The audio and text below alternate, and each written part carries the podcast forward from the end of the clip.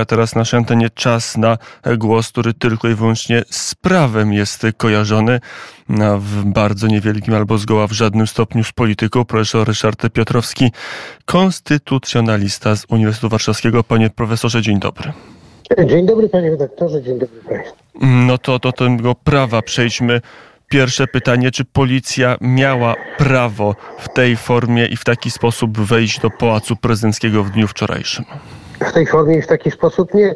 Oczywiście pałac prezydencki nie jest jakąś enklawą eksterytorialną, ale też to nie oznacza, że policja może wchodzić tam kiedy chce, no jak chce i jeszcze do tego blokować e, prezydentowi możliwość odniesienia się do tych wydarzeń. Jednym słowem, no, zastosowano tutaj przemoc w stosunku do prezydenta w podwójnym sensie. Raz dlatego, że policja tam się znalazła, dwa dlatego, że prezydenta zablokowano w jego siedzibie w Belwederze. Teraz, oczywiście, gdyby e, policja e, prowadziła pościg za e, jakimś sprawcą, no, który wszystko wskazuje na to, że w jakiś sposób przedostał się na teren Pałacu Prezydenckiego, to powiadomiwszy szefa kancelarii, no względnie osobę odpowiedzialną za sprawy kancelarii, za kancelarii, jeśli to byłoby na przykład w godzinach nocnych, można byłoby e, tego przedsięwzięcia dokonać. No ale nie w tej formie, nie w ten sposób i nie z takim demonstracyjnym lekceważeniem e, okazanym e, najwyższemu przedstawicielowi państwa wchodzimy w moment, kiedy relacje różnych władz, chociaż no i pan prezydent i rząd to władza wykonawcza, ale jednak celowo oddzielona w ustawie zasadniczej, rząd wchodzi w spór z prezydentem, stara się ograniczyć jego kompetencje, jego prerogatywy. Tak to można opisać, panie profesorze? Niekoniecznie, dlatego że tutaj sytuacja nie jest czarno-biała. Oczywiście źle się stało, ale jedni i drudzy postawili swoje racje e, ponad, no jakby to powiedzieć, powagą państwa. Bo tak, Rada Ministrów odpowiada za wykonanie ustaw. Wykonanie wyroku to jest wykonanie kodeksu karnego i to jest jej obowiązek.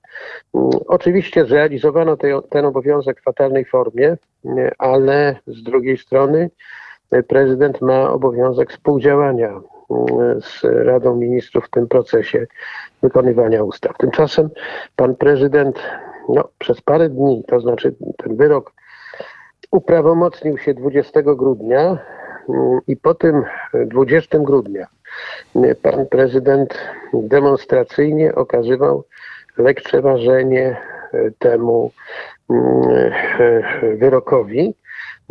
No i w ten sposób niejako e, prowokował te działania nieproporcjonalne, które zostały podjęte. Prezydent nie może blokować wykonania wyroku sądu, nawet jeżeli uważa, że tego wyroku nie ma. Prezydent ma możliwości odniesienia się do tej sytuacji w inny sposób. Może na przykład ułaskawić ponownie. Wreszcie też może, co uczynił w tej sprawie, przedstawić swoje stanowisko, ale nie może być sytuacji, w której jest prawomocny wyrok, a prezydent mówi, a ja taki wyroku nie wykonam. To trochę przypomina mm, sobie pana Zamojskiego, prawda, z którego znamy z potopu, który mówi, a ja taki Zamościa nie oddam. No, Bo inna sytuacja. Inna sytuacja, ale mentalność może i, i podobna. Panie profesorze, to jeszcze zapytam w tym aspekcie e, prawnym. Pan mecenas Marek Markiewicz, no, aktywny prawnik, ale też z tym zacięciem e, politycznym powiedział e, na moje pytanie, czy to są więźniowie polityczni, powiedział więźniowie z woli politycznej, bo ja jako aktywny mecenas mam klientów, którzy mają wyższe wyroki karne i tak szybko do więzień nie trafiają. Czy tutaj możemy powiedzieć, że jakoś rząd w sposób szczególny tych dwóch panów telefonów potraktował i szczególnie szybko i, i tak skutecznie jak na polskie państwo bardzo do zakładu penitencjarnego ich skierował? No, ta ostatnia faza, to znaczy faza wykonania, jest rzeczywiście mm, taką, można powiedzieć, demonstracją siły ze strony mm, rządu i tak pewnie była pomyślana i o to chodziło, ale warto zdać sobie sprawę z tego, że batalia sądowa toczy się od jesieni 2015 roku. Wtedy sąd pierwszej instancji skazał dwóch polityków nie za mm, działania mm, o charakterze E, politycznym, nie za korzystanie e, z wolności słowa czy za korzystanie z wolności zgromadzeń, ale za e, przekroczenie uprawnień, co, które było podyktowane oczywiście względami politycznymi wtedy. No, obaj panowie uznali, że celu święca środki, co teraz też niektórzy nam rekomendują jako właściwą drogę postępowania, na przykład w odniesieniu do mediów, i e, że w tym e, państwie, które mamy, nie należy być szczególnie skrupulatnym, jeśli chodzi o przestrzeganie prawa. Nie, możemy, nie można wpadać w pułapkę legalizmu. Teraz też niektórzy to rekomendują jako receptę na różne problemy. I wtedy prezydent ułaskawił E, zainteresowanych, a potem e, w rezultacie Sąd Okręgowy postępowanie umorzył, ale Sąd Najwyższy uznał, że mm, to był błąd, że prawo łaski może być realizowane tylko wobec osób, które były prawomocnie skazane i wtedy do akcji wkroczył 2017 czerwiec. Do akcji wkroczył Trybunał Konstytucyjny na skutek wszczęcia przez marszałka Sejmu sporu kompetencyjnego między e, Sądem Najwyższym a prezydentem. No i mm, skutek tego mm, Sąd Najwyższy uznał, dobrze, zatrzymujemy to postępowanie. No i tak to zatrzymanie sobie trwało do lutego 2023 roku. Wtedy Sąd Najwyższy powiedział, no nie, dość już e, zastanawiania się w Trybunale, czy tak, czy siak. To narusza prawo do sądu i podjął zawieszone postępowanie. E, wtedy Trybunał e, pręciutko się zebrał i 2 czerwca 2023 rozstrzygnął spór kompetencyjny w ten sposób, że prezydent może stosować prawo łaski jak chce. To było 2 czerwca.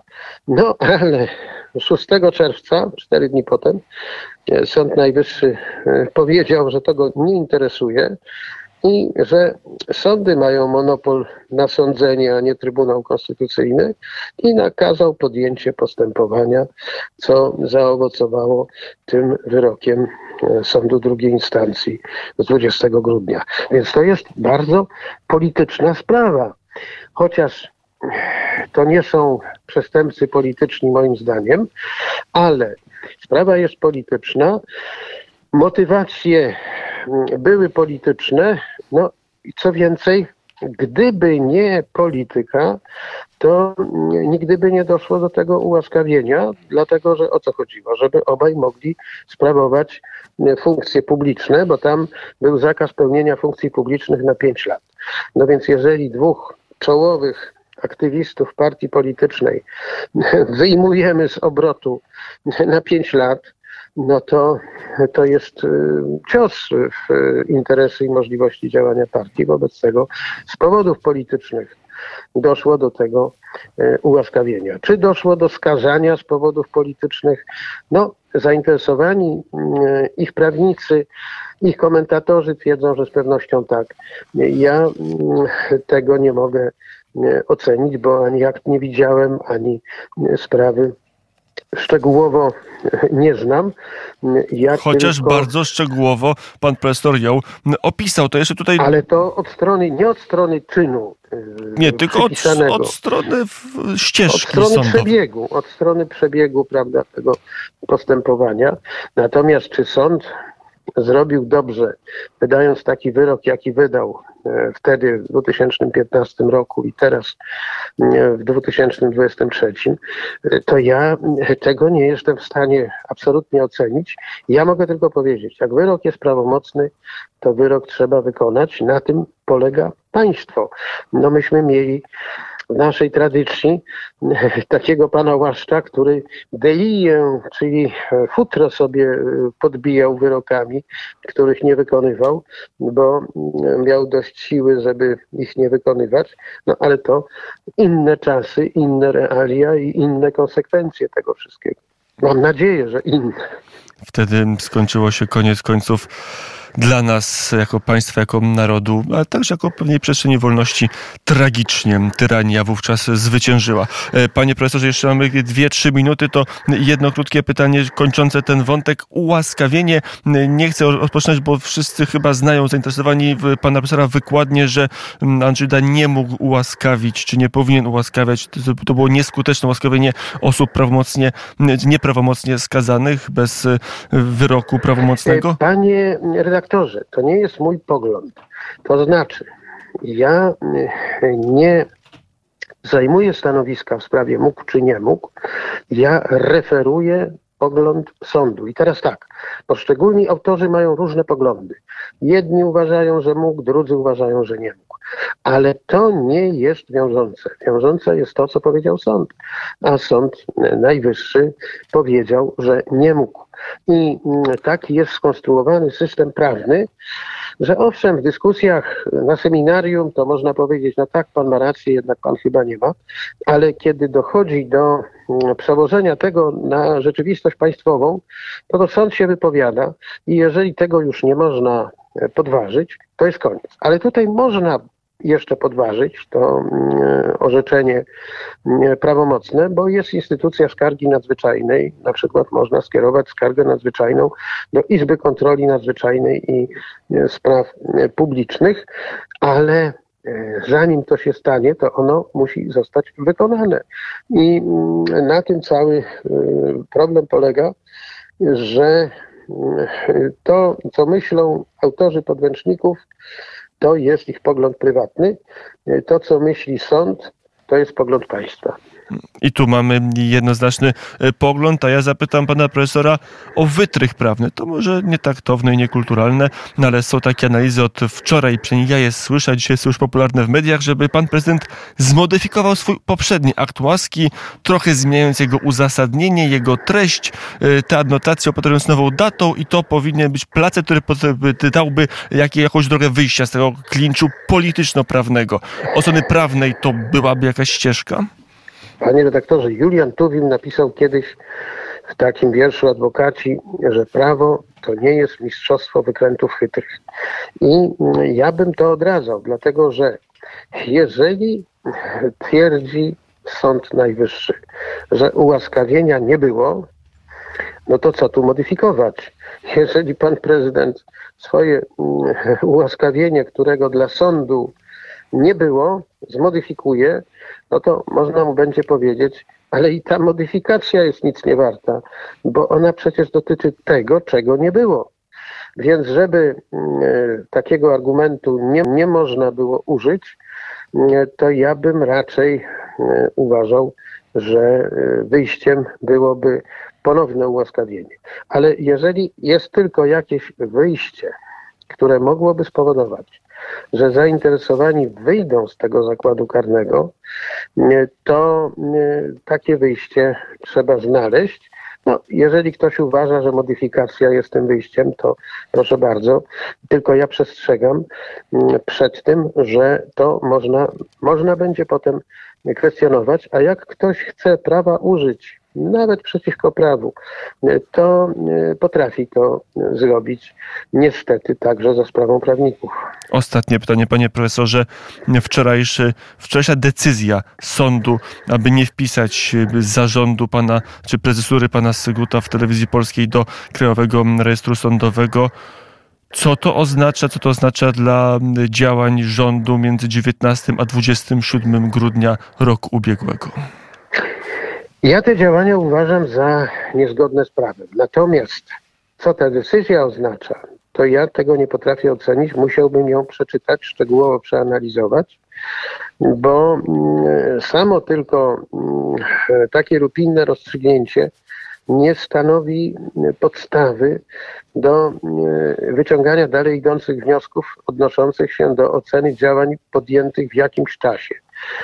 I niezależnie od tego, co by sąd w tej sprawie nie powiedział, to ja podtrzymałbym i podtrzymuję swoje stanowisko, dlatego że każdy obywatel, który nie jest objęty wyrokiem sądu, na przykład skazującym go na karę pozbawienia wolności, a nawet i ten, kogo wyrok dotyczy, no, z jednej strony prawda, ma ten wyrok wykonać, ale z drugiej strony ma prawo mieć na temat tego wyroku swoje własne zdanie.